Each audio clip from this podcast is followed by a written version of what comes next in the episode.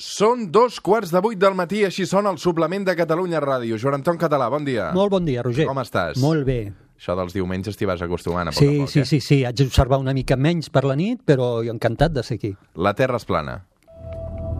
3, 2, 1, seganya!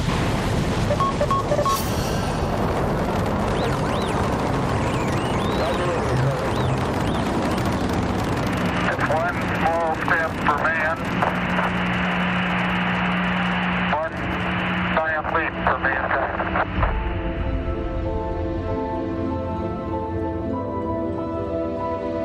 A poc a poc us hi aneu familiaritzant el Joan Anton Català la veu científica del suplement, màster en astronomia i astrofísica, químic quàntic. També expliquem algunes de les 100 qüestions sobre l'univers, un llibre revelador que ens serveix per entendre un munt de coses que va publicar l'any passat el Joan Anton Català i que mica en mica també anem desgranant aquí al suplement de, de Catalunya Ràdio.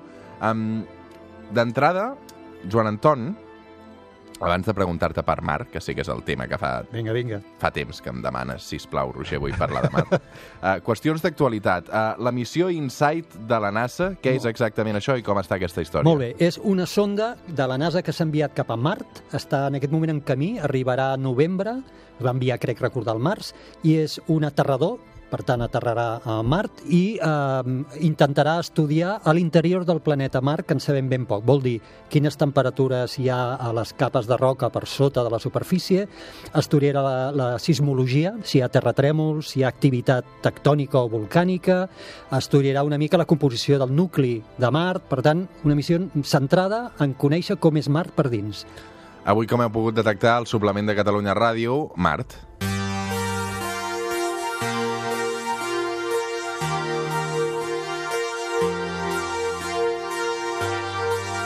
Joan Anton, d'entrada, va, dubtes. La Terra i Mart són igual de grans, de mida o no? Eh, saps que cada any m'arriba una cosa, una història que corre per internet d'amics que em diuen és veritat, és veritat, i fan córrer que Mart es veurà al cel tan gran com la Lluna, per tant, com si fos la Terra. No, eh, sabem que Mart s'assembla a la Terra en moltes coses, però és eh, més petitona, bastant més petitona que la Terra. I això ho sabem del cert, eh? Aquí no hi ha dubtes, No, no? no, no, i hem estat, no humans encara, després si vols en parlem, Mm. hem estat amb sondes, moltíssimes missions i robots, per Mm. tant, coneixem Mart bastant bé. De mar, una de les coses que segurament eh, sempre ha fascinat més als humans és aquest color vermell, no? Correcte. Sí, el color vermell és de la composició dels minerals. Té minerals amb contingut de ferro. El ferro, com sabem, quan s'oxida, agafa aquest color més ataronjat, vermellós. Per tant, això és el que li dona el color a Mart i des de l'antiguitat es reconeix la seva lluentor a la nit de color ataronjat. Ja per els nostres avantpassats ja la veien, aqu Mhm. aquesta... Uh, D'entrada, a banda d'aquest color i, i que dius que és per la qüestió dels minerals, mm Mhm. -hmm. uh, què més necessitem saber sobre mar per, per, per situar-nos sobre pla? Eh, quant programa tenim, Roger? No, tenim, tenim menys de 20 minuts, o sigui que fase Val, val. resumida. Molt bé. Doncs mira, Mart és, com deia, un planeta més petit que la Terra, és rocós, té una atmosfera molt feble, però en té, no és d'oxigen, no en té oxigen, però té una atmosfera. Eh, és un planeta que té molta aigua, molta aigua que en aquest moment es troba glaçada sota la superfície de la Terra o en els pols. Fa poc, si vols després en parlem una Aigua mica. líquida. Correcte, s'ha descobert el que podria ser, s'ha de confirmar, dipòsits d'aigua líquida sota el gel del pol sud, però en qüestió, en en qualsevol cas és un planeta amb molta, molta aigua i, per tant, molt interessant des del punt de vista de l'estudi del que és un planeta similar, entre cometes, a la Terra. I que té un volcà. En té varis, però en té un, que és el que ara tu t'estàs referint, que és una bèstia. És la muntanya més alta que coneixem en tot el sistema solar. Té 22 quilòmetres d'alçada des del quota zero, diríem, 22 quilòmetres. Diu el Mont Olympus i és un volcà i és la muntanya, com deia, més alta que coneixem en tot el sistema solar. És una bèstia. Uh -huh.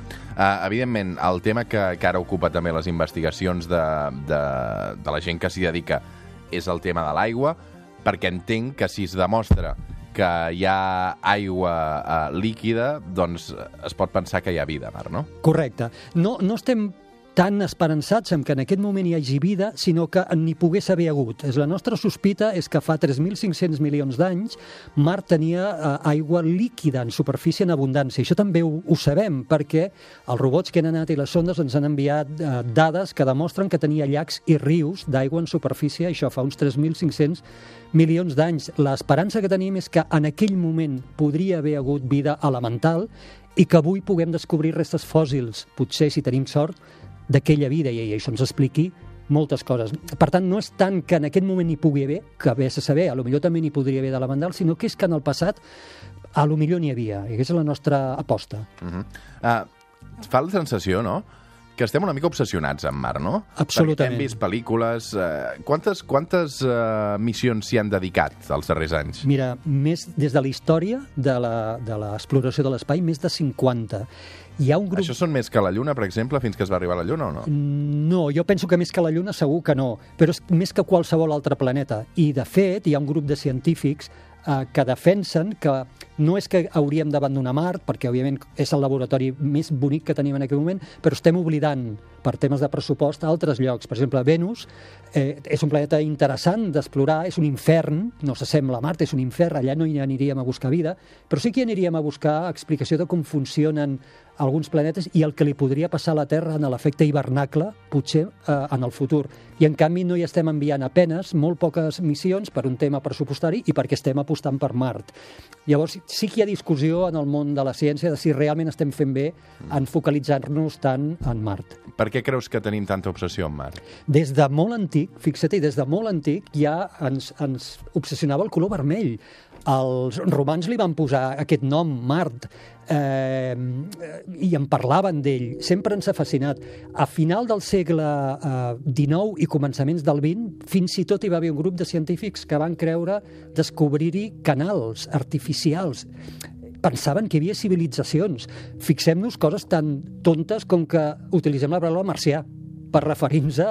ah, perquè sempre ha estat Mart amb, el nostre, amb la nostra ment com un lloc interessant on hi podria haver civilitzacions, on sen, ens podrien invair.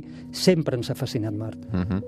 um, fem una cosa, ens situem a l'any 1938, et sembla bé? Perfecte. Va, i passava això. Ladies and gentlemen, I shall read you a wire addressed to Professor Pearson from Dr. Gray of the Natural History Museum, New York.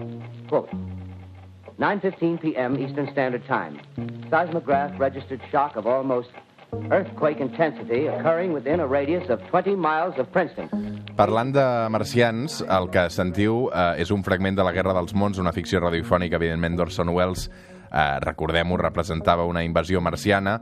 El programa forma part de la història de la ràdio i també de la humanitat perquè va causar un pànic escènic mundial, perquè tothom sí. s'ho va creure de, de, de tan ben fet que estava, no? Sí, sí, sí. Um, clar, aquí va plantejar un escenari que molta gent es va acabar creient i precisament eh, acaba coincidint amb tot això que m'explicaves també dels marcians, no, Joan sí, Anton? Sí, clar, uh, va haver un astrònom a final del segle XIX, italià, que va creure, amb els seus telescopis d'aquella època, va creure veure-li canals a Mart.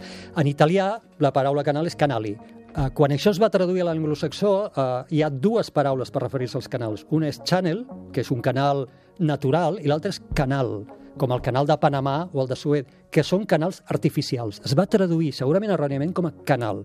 I, per tant, dintre del món anglosaxó, això es va entendre com canals artificials. I allò va des, de, desfermar com una febre de, de mirar a Mart i de pensar que a Mart realment hi havia una civilització i d'aquí ve la invasió i d'aquí ve el programa de l'Orson Welles de la Guerra dels Mons, on ens invaeixen figuradament, però la gent s'ho creu de tan ben fet que estava radiat. De fet, durant un temps eh, creiem fins i tot que hi podria haver eh, civilitzacions a Mart. Per què, què ho feia pensar, això? Ja, això dels canals i el fet de, de pensar Mart sembla un planeta proper, similar al nostre, i podria haver civilitzacions, i per tant ens podrien en algun moment invair o... o sí, sí. Pel·lícula. Todo ser humano posee el instinto primario de ayudar a los demás. Si un excursionista se pierde en la montaña, la gente organiza su búsqueda.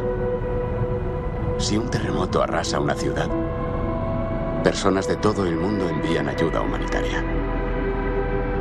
Este instinto se halla en todas las culturas, sin excepción.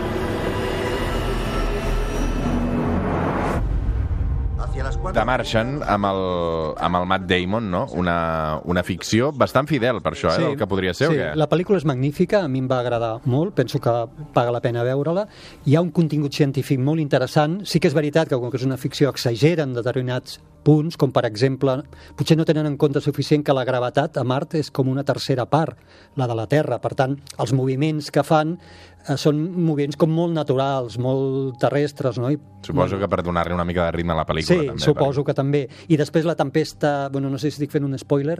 No, home, entenc que no, A veure, és una pel·lícula del 2015 Sí, sí. de Ridley Scott, jo crec que ja està bastant vista, Molt bé. eh? Doncs aquella tempesta de sorra tan animal també és del començament de la pel·lícula, que és la que produeix el desenvolupament de després. Està també exagerat. Sí que hi ha tempestes de sorra a Mart, però no, eh, com que l'atmosfera és molt feble, els vents comparats amb els vents que tenim aquí, bueno, no són comparables. Per tant, eh, estan exagerades certes parts, però jo penso que és una pel·lícula molt bona. Però l'episodi aquell que ell en un hivernacle Sí. aconsegueix conrear algunes Correcte. verdures, no? Sí. Això pot arribar a passar. Absolutament, absolutament. Eh, diríem, el terra de Mart conté ric en minerals, a l'aigua líquida no hi és, eh, pensem, com dèiem abans, però sí que n'hi ha de gelada, amb la qual cosa es pot reciclar perfectíssimament.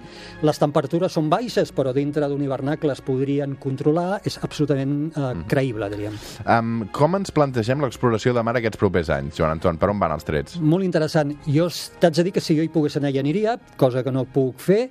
Eh, ens la plantegem de diverses formes. Una... Una, missions humanes a mar de moment encara no n'hi ha, no? No, per però això? jo espero veure-les. Eh, tu ets molt més jove que jo, tu segur que les veuràs. Jo també espero veure-les, ara t'ho explico. De moment, a l'any 2020, eh, la NASA per un costat i l'Agència Espacial Europea, la ESA, per un altre, hi envien dos robots especialistes en la cerca de vida. Són dos robots biòlegs que jo dic i arribaran a Mart l'any 2020. Això serà molt xulo de veure missions humanes, totes les agències, les dues grans agències espacials, la NASA i la ESA, tenen previst eh, aproximadament cap a la dècada dels 30 que l'home pugui eh, trepitjar per primera vegada el planeta vermell.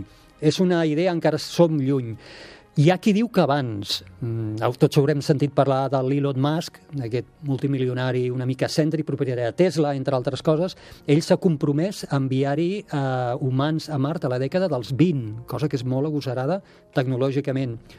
Però estem Ah, ah, aquí, estem parlant de 10-20 L'has anys. estudiat, aquest personatge, l'Elon Musk? Una Perquè- mica, una mica. A veure, explica'm qui és aquest senyor, perquè és també és fascinant, no? Sí, és absolut, bueno, és típic personatge americà d'aquests, no?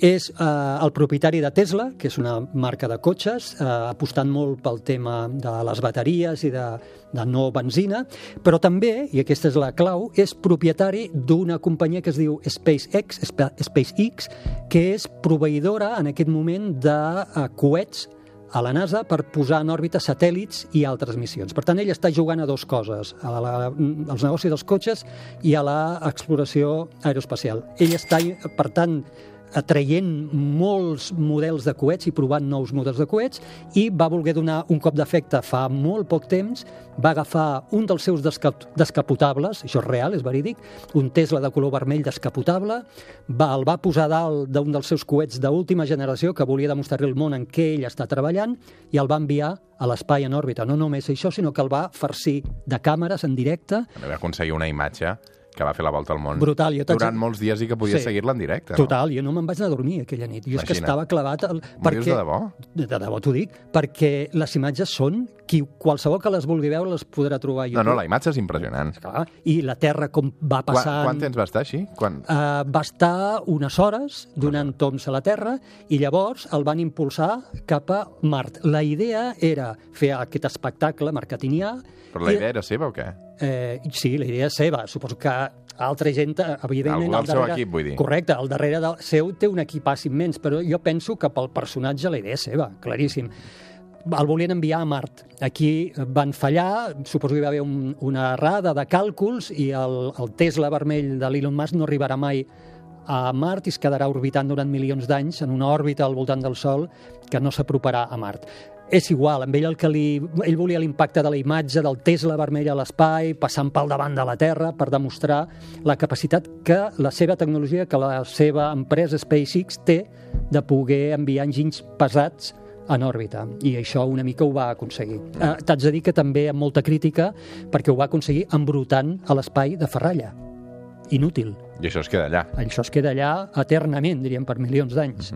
Dius, eh, tampoc ens portem tants anys, Um, tu veuràs Gràcies, com Roger. el- la missió en, en què doncs, enviaran algun astronauta precisament al, al, al planeta vermell. Um, què ha de canviar o fins on s'ha de, de, de prosperar perquè això passi? És a dir, Mm. abans que es produeixi, quins avanços s'han d'aconseguir? N'hi ha dos molt bàsics. El viatge el tenim més o menys apamat, perquè estem enviant constantment sondes amb 7-8 mesos, quan els dos planetes Terra i Mart estan Quant ben dura el viatge? situats. Quant dura? 7-8 mesos, sempre que estiguin ben alineats. Com ha passat aquest any, que estan molt, molt ben alineats, i que és la raó per I la això, qual això cada quan passa? dos anys i dos mesos. O sigui, el, potser han de passar dos anys i dos mesos perquè sigui el moment ideal per enviar la...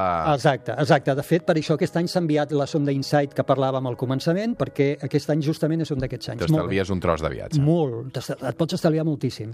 Que aquest també és un problema, perquè el retorn, ja veurem com retornen els primers astronautes. No sabem si s'hauran de quedar allà durant dos tornada anys. potser dura una mica més Potser dura més o s'hauran de quedar allà en una base dos anys. Això és coses que encara s'estan acabant de veure com es farà. Qüestions tecnològiques, n'hi ha dos. Uh, en, sense ingravidesa tenim una pèrdua de massa òssea estem investigant en fàrmacs com impedir o com minorar aquesta part de... Clar, això, eh, si estàs a l'espai poc temps, no passa res, però clar, 7-8 mesos pot tenir una certa conseqüència. Però sobretot, sobretot, el viatge a Mart i el posar el peu a Mart significa que estem fora de l'escut protector magnètic de la Terra, que ens protegeix de la radiació de partícules solars que són perjudicials per als teixits humans. Poden produir tumors, poden produir malformacions, etc. A Mart, Mart no té camp magnètic, per tant, Roger, si mai vas a Mart no cal que portis brúixola perquè allà no et funcionarà. No hi ha escut protector i això haurem de veure com solucionar-ho. Lògicament, en una nau no podem posar-hi parets gruixudes perquè no volaria. Aquesta és una cosa que hem d'acabar d'estudiar de, i de superar com fem per protegir durant el viatge, però no només el viatge, mentre estiguin allà, si és que s'hi han de quedar, com protegir-los d'aquesta pluja solar que pot ser perjudicial. Tu creus que pot ser una alternativa a la Terra, Mart? Sí, no, alternativa, a veure, no, jo sempre dic que Terra només n'hi ha una, només hi ha una versió i és aquesta i el que hem de fer és cuidar l'única versió que tenim, que és la real, que és aquesta. Sí que clarament és un lloc explotable des del punt de vista dels recursos, minerals, etc. i si volem anar més enllà serà una base de partida. Té tot el sentit del món que l'home vagi a Mart a construir bases, no només per investigar, sinó per donar els següents salts que s'hagin de donar quan s'hagin de donar.